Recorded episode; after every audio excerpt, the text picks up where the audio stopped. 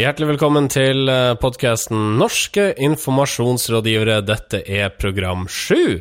Mitt navn er Marius Staulen. Jeg har med meg mine faste følgesvenner. De sitter i en liten grønn sofa. Til min høyre så har vi en herremann der. Vi begynner her hos eh, Sindre Holme. Ja. Hjertelig velkommen til deg. Tusen takk for det. Og vi fortsetter til din venstre. Dersom du ikke vet hvem jeg er, så heter jeg Marius Torkelsen. Jeg jobber som rådgiver i Spre, del av Mereris-konsernet. Og hvis uh, folk vet hvem du er? Da uh, er det bare meg igjen, da. Ja. Her i øra dine. Ja. Det har vært uh, amerikansk uh, presidentvalg siden uh, sist vi var på lufta. hva vi skal si om at Barack tar fire nye år i Det hvite hus? Jeg vil gjerne begynne først da med å ja. si at TV 2 var jo ute og sa at de var det første mediet til å avsløre hvem som blir president. Ja. jeg vil si at de tar feil. Vi var det første mediet. Vi avslørte allerede fredag. Nå skal det vel nevnes at det vi kjørte på lufta, var vel heller mer en prognose enn en fastslåelse. Ja, det er øyet som hører. Ja. Eh, har dere noe forhold til den ene eller den andre presidenten? Eh, har dere noen følelser som på en måte brygger opp nå etter at det er klart at det er Barack som skal inn i Det hvite hus for nye fire år? Uh, nei, annet enn at uh, jeg, jeg, jeg, fikk liksom uh, fastslått at Mitt Romney ligner på en grevling. ja. Altså, det er ikke få presidentkandidater som har hatt dyrelignende trekk. for de som husker Ronald Reagan, så var det mange som mente han lignet litt på et Hva heter de som er liksom flate i ansiktet? De ape, den apesorten. Ja, han, han, han var litt sånn flatt Ja, ja, ja orangutang. Ja. Um, og altså, det, jeg tror ikke det er Altså, man må ikke ligne på, han, på et dyr for å være kandidat, men, men altså, det er en fordel. Richard Nixon ligna litt på ei rotte. Ja. Uh, gjorde han ikke det? Jimmy Carter og, og, og det var krøp rundt, i, uh, krøp rundt i tunnelene rundt Oslo S, uh, Richard Nixon for øvrig. Ja, jeg så han i forrige uke. Abraham Lincoln var jo varulv. Eller iallfall ulv. ja. Jimmy Carter ligner jo litt på den der apegaten som Pippi har, hvis dere kan se på det. ja. Herr Nilsson, ja. Men uh, det, altså, det, det, er jo litt deilig også nå at uh, det amerikanske valget er ferdig, og vi har fått tilbake mediene våre. og igjen tilbake til flott. Det, altså, Dagens Blad, Dagbladet, har uh, hatt uh, to flottsaker allerede. Så flott. Ja. Da tror jeg vi har snakka oss relativt varme her, føler jeg. Vi har uh, forhåpentlig interessant sending til dere, kjære lyttere. Vi uh, skal vel lese et segment hver som vanlig. Vi skal snakke om en omdømmekampanje som uh, finner sted i min hjemby. Vi skal diskutere om PR-rådgiverne nå ikke har bytt uh, begynt å bli litt for snusfornuftige. Jaså? Vi skal ha en ny utgave av den uh, månedlige flatindeksen. Ja. Uh, er dere klare til å sette i gang sendinga? Jo. Ja, da starter vi. Norske informasjonsrådgivere. Vi skal starte med en liten mediedisputt, der vi har Nav på den ene siden og NRK på den andre, og midt imellom står PFU. Yes, det stemmer. Uh, vi skal begynne egentlig med en dokumentar som Brennpunkt gjorde i fjor høst, uh, kalt 'Diagnose mens de venter', hvor de beskyldte uh, Nav for å ansette en del leger for å gå gjennom krav mot Nav, og at disse legene ikke nødvendigvis var helt upartiske. Dette var Nav sterkt uenig i, og de følte seg også dårlig fremstilt i den dokumentaren, så de klagde inn til Pressens faglige utvalg, hvor de også vant fram før sommeren i år. Denne uka så så har det kommet fram at uh, Nav betalte Anders Cappelen, uh, PR-rådgiver og PR-nestor til og med, skrevet mye bøker, for uh, å skrive denne PFU-klagen, og han fikk 100 000 kroner for det. og det er jo Interessant. Ja, og i en kommentar til Aftenposten så sier Cappelen jeg burde faktisk ha fått nærmere 200 000. Så uh, dette 100 000-kronersbeløpet var visstnok en treat for Nav sin del. Årsaken til at det ikke ble høyere, var at uh, dersom Nav skulle ha brukt mer penger på dette, så måtte de ha lagt oppdraget ut på offentlig anbud. Ja, Det er klart at en sånn type jobb er litt uh, problematisk å legge ut på anbud også, fordi at ja, det er et type oppdrag som vil få oppmerksomhet fra pressen, og vil kunne skape mye støy rundt prosessen med å skrive. Men samtidig så føler jeg her at Anders Cappelen prøver å redde sitt eget skinn litt òg. Okay, på hvilken måte? ja, for det han sier at å, jeg er egentlig kjempebillig. Altså, jeg, det, det, har vært en formidabel jobb. han har skrevet en 20 sider lang klage og fått 100 000, og mener at han skulle fått 200 000 hvis han skulle fått 200 000 så hadde det betydd at uh, han skulle fått uh, Vi skulle fått 10 000 per side. 10 000 per side. Ja, er det godt betalt, dere som uh, jobber høres, i bransjen? Det høres ut som det er godt betalt. jeg skal ikke undervurdere Uh, hvor mye jobb det er å skrive en uh, PFU-klage. Absolutt ikke. Men uh, jeg syns det er rart å begynne å komme trekke med at det egentlig var mye dyrere. Jeg syns ikke det. Jeg syns verken Nav eller Anders Cappelen kommer godt ut av en sånn, sånt, en sånn påstand. Nei, for det, det, var vel litt av årsaken til at vi tok det opp her også.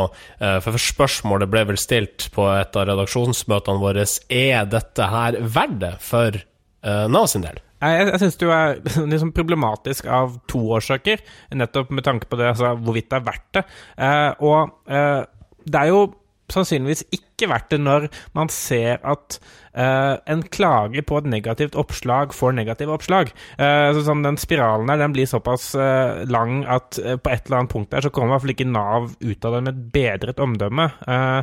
På den annen side syns jeg også er litt problematisk, fordi det er den, hele den derre skattebetalernes penger-diskusjonen. og Nav har jo en ganske stor og sannsynligvis velkvalifisert kommunikasjonsavdeling. Og at ikke de kunne skrive det, det syns jeg er litt rart. Altså Nav har da leid inn Anders Cappelen fordi at de ikke har ressurser internt til å gjøre jobben. Men eh, det jeg tror eh, det, det, er en veldig sånn sensitiv sak å hente inn eksterne på. Uh, og det er, det er, litt av det vi syns er egentlig kjernen i problemet her. Mm, så lærdommen for Nav sin del her, det er uh, rett og slett det at med en gang du innkaller en, en PR-rådgiver til å gjøre jobben din, og du betaler han en sum som la oss si 100 000, så kan det fort føre til negative oppslag i avisa. Det er uh, lærdommen. Ja. Mm, mm. Dere er jo kommunikasjonsrådgivere sjøl. Sindre, dersom du skulle tatt det oppdraget her, hva ville du ha gjort det for? Jeg ville også lagt meg under anbudsgrensa, uh, men kanskje enda lavere, sånn at jeg var sikker på å få det. Jeg ville lagt meg på 95 000. Torkelsen? Nei, altså, jeg ville jo eh, lagt meg på 94 999,50 for å være sikker på at jeg var både den billigste ressursen og den beste. Er det, er, er det faktisk så rigid i staten at de godtar et uh, bud 50 øre under kun pga. den 50-øringen? Nei, hvis ikke så er, det ikke den stat jeg vil jobbe for, i hvert fall. Vi skal videre i denne sendinga. Norske informasjonsrådgivere. Vi skal til mine hjemtrakter. Jeg er da oppvokst, faktisk også født, når jeg kommer til å tenke på det, eh, i Bodø. Eh, takk. Hjertelig tusen takk for det. Der eh, foregår det en omdømmekampanje om dagen. Det er altså organisasjonen Bodø i Vind som har ansvaret for å gjennomføre denne kampanjen, som har til hensikt å lokke flere arbeidstakere til byen. Dette såkalte omdømmeprosjektet det har eh, pågått siden ja, 2008 åtte, er det vel. Og det nyeste skuddet på stammen er, en, er et sett med promovideoer eh, som skal vise Bodø fra sin beste side.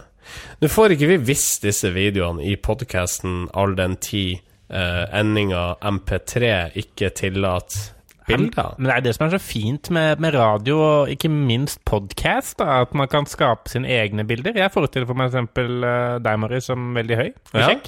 Ja, men det, du har rett der. Uh, vi skal stjele litt lyd fra denne omdømmekampanjen. Sånn at vi skal da høre uh, en amerikaner som fronta prosjektet. Han heter Jack, og han har tydeligvis bare positive ting å si om byen jeg kommer fra, nemlig Bodø.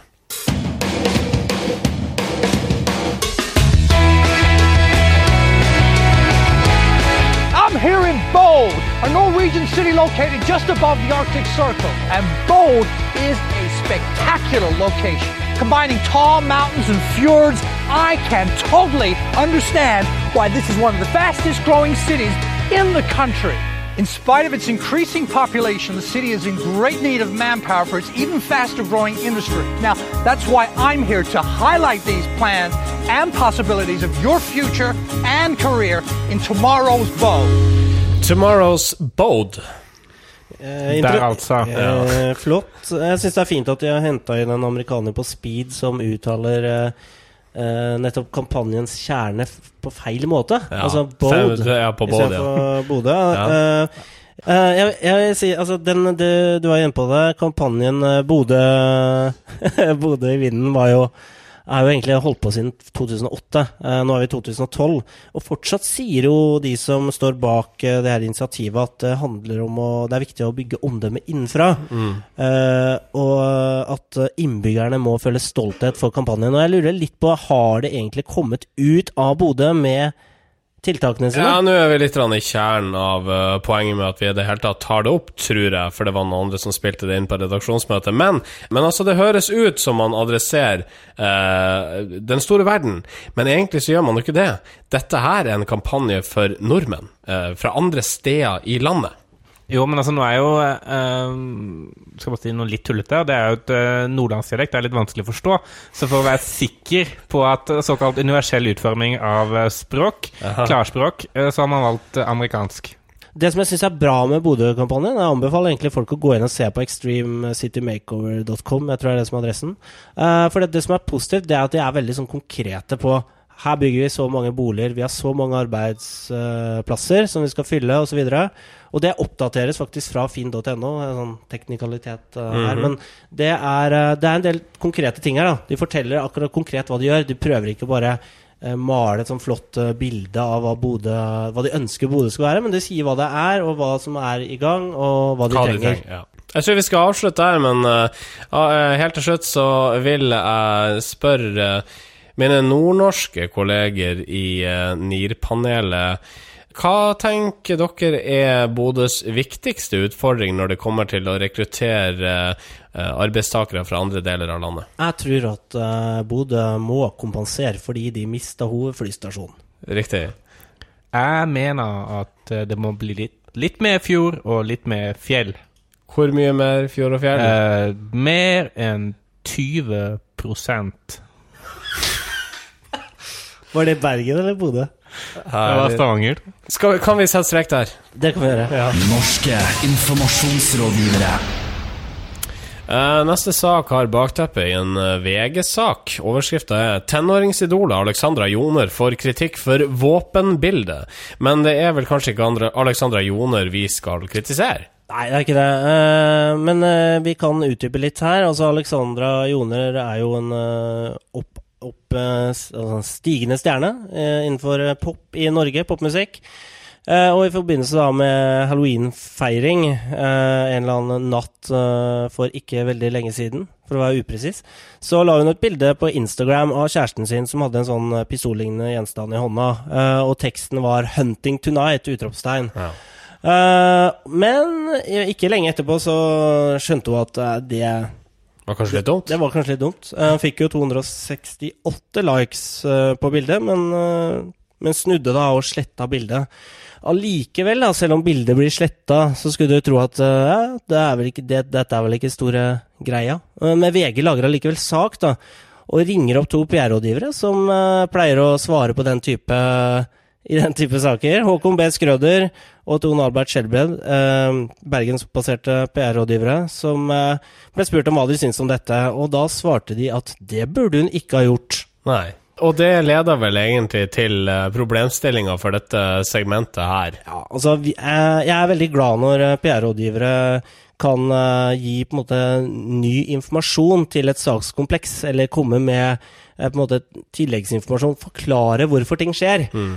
Men når de istedenfor blir sånne her moralske pekefingre, sånn tante Sofie, sånn at nei, dette må man ikke gjøre som tenåringsidol, da blir jeg litt sånn Ok, liksom. Mm. hvem er du? Er du, du tante Sofie, eller er du PR-rådgiver? Ja det blir jo litt sånn For de som har sett South Park, eh, så har de en karakter der som de kaller for Captain Hindsight. Eh, og det er altså da en eh, superhelt som har en helt sånn ekstraordinær evne til å være etterpåklok.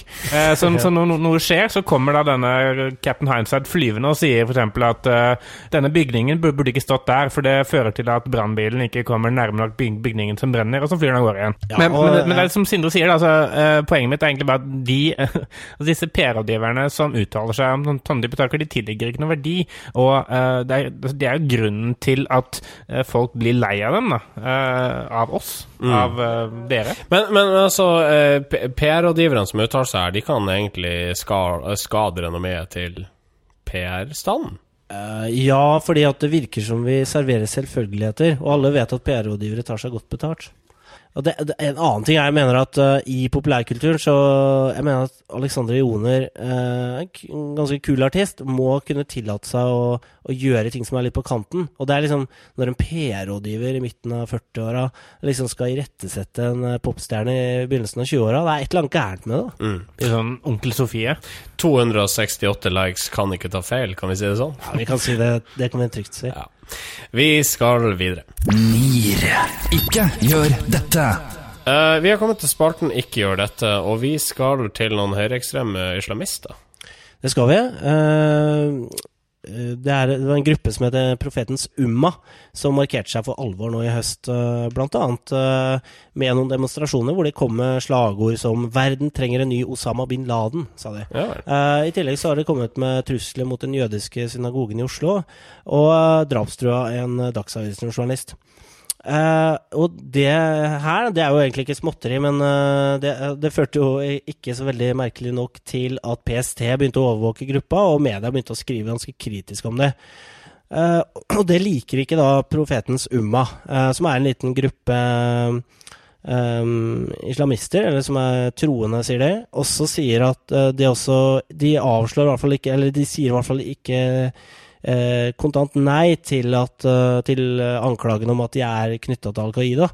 Uh, men de føler seg da at, at, det er en heksejakt mot dem, fra politi, politikere og media. Ja, Og dette her det kom da fram på en pressekonferanse?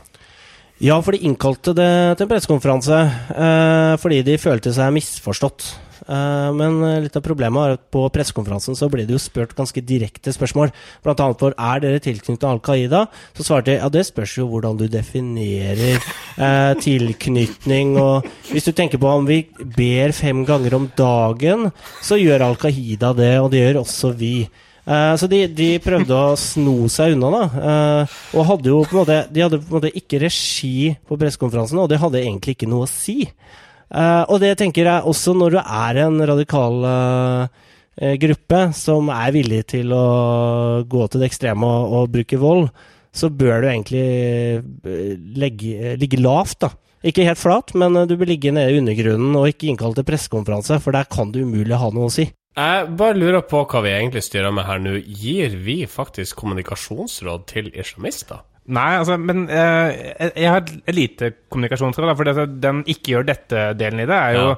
eh, De kalte inn til pressekonferanse, men så glemmer de at eh, pressekonferanse har to deler. Eh, del én. Eh, journalisten kommer inn i rommet, du informerer om det du har, har å si.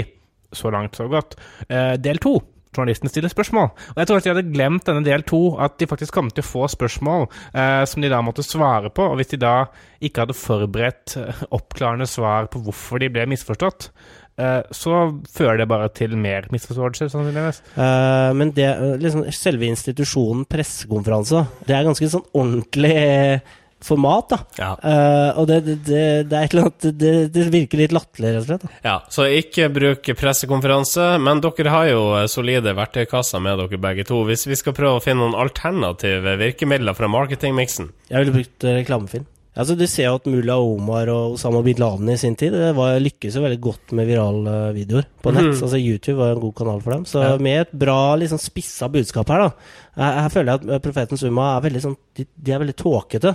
For de vet ikke om de skal svare direkte på et spørsmål eller ikke, osv. Men ved å legge ut en video uh, med et spissa, godt budskap, så kunne det gått viralt. Men sånn re rent personlig så syns jeg det at det var at denne uka har vært litt sånn lettende. For jeg var litt sånn bekymra over den gruppa, for de virka litt sånn de virker litt skremmende. Uh, men de ble sånn litt mindre farlige uh, gjennom den pressekonferansen. det tar kanskje brodden ut av uh, hele den der scarinessen, at du setter han ned bak, bak, en pult og, og, og I et litt sånn kjedelig konferanserom ja, ja, ja, på Bristol. Ja, med forfriskninger bakerst, kaffe og vann. Uh, ja, men det er nettopp det. Altså, det, det ble litt stusslig. De, de, var liksom dårlige til å snakke for seg. Og, ja. uh, så det, det, virka De ble rett og slett ufarliggjort, egentlig, ja. gjennom den pressekonferansen. Og det var jo ikke meningen. Så, men sånn sett så var det jo fint, da. Så for oss er det jo det litt betryggende. Men, men for Profeten Umma profe, Unnskyld, Profetens Umma og de andre organisasjonene på den fløyen der, ikke gjør dette. For de som er faste lyttere, så vet dere at vi opererer med noe som vi kaller flatindeksen, som er eh, altså antall mennesker, institusjoner, eh, statsledere og eh, idrettsproffer som har lagt seg flate i, den, eh, i måneden som har gått. Ja. Og flatindeksen for oktober eh, er 20. Det betyr at det er 20 mennesker etc., som har lagt seg flate. Og det å legge seg flat er et velbe, velkjent grep når man har gjort noe galt og blir konfrontert, av media. Ja, uh, og du har da raska sammen det du mener er de tre beste, eller altså de tre flateste. Ja. Eh, månens eh, tre flateste eh, instanser. Eh, og jeg vil ta da en topp tre-kåring, ja. egentlig. Uh, og det må vi gjerne kommentere underveis. Uh, på tredjeplass uh, så har jeg tatt inn Vårt, lav, vårt Land-ravnene, Hugin og Munin, som er å finne på baksiden på Vårt Land, som er liksom de sarkastiske, spissformulerte delene av Vårt Land. Er det, er det tegneseriefigurer? Ja, typer sånn, det er litt sånn Morten M-aktig, er ikke det? Jo, men de skriver, sånn, de skriver en spalte på baksiden av Vårt Land. Ja, Men er det ekte personer? Ja, det er måtte ekte personer, men som har tatt Hugin og Munin-navnet. Ja, litt sånn salt og pepper-ideen når det ja, er sånn, restauranter. Ja. Eh, og de eh, får tredjeplassen fordi eh, de har lagt seg flat på en sånn sarkastisk måte. De har brukt legge seg flat som hersketeknikk.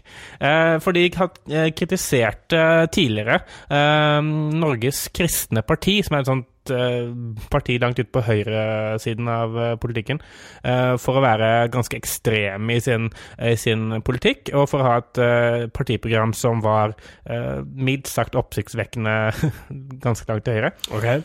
Uh, og så påpekte Norges kristne parti at vi har slettes ikke noe partiprogram, vi bare mener en del ting. Så da har uh, Hugin og Munin lagt seg flate, og egentlig bruker da to spalter i Vårt Land på å harselere med Norges uh, kristne parti. Så de legger seg egentlig ikke flat, da? Nei, men det sier vi legger oss flate for at vi sa det når dere åpenbart ikke har et parti partiprogram, men bare mener alle disse forferdelige tingene. Ok, nummer to. Nummer to eh, går til Lenvik eh, lensmannskontor. Eh, rett og slett fordi det er en litt morsom sak hvor eh, eh en politibil fra Lenvik lensmannskontor ble avskiltet i en eh, politikontroll eh, pga. manglende EU-godkjenning. Og selvfølgelig, de tok på seg den og la seg flate, og de hadde vel egentlig ikke noe annet valg. Nei. Og da har vi kun en vinner igjen. Eh, vinneren, og det er litt sånn eh, altså en litt sånn ikke gjør dette-sak, men eh, den går til Elixia. Eh, og her er det Elixia Sandvika som eh, har eh, Først har, har, de fått inn en 16 år gammel jente som har begynt å trene på treningsstudioet deres. Og når hun da uteble en del ganger, så ringte da disse Elixia-selgerne og spurte hvorfor hun ikke kom og sånn. Og til slutt så endte det med at en av disse selgerne ringte og spurte nå har vel du lagt på deg, for nå er det lenge siden du har vært der. Oi, oi, oi, oi, uh, dette var en uh, Budstikka-sak, og det gikk så langt at regionsleder for Elixia, Erik Skrøder, måtte gå ut og legge seg ganske så flat. Han burde lagt seg flat på en uh, tredjebølle, egentlig, etter ja. uttalelsen der. Da gir vi alle Elixia en uh, kjempeapplaus her. Applaus. Bravo!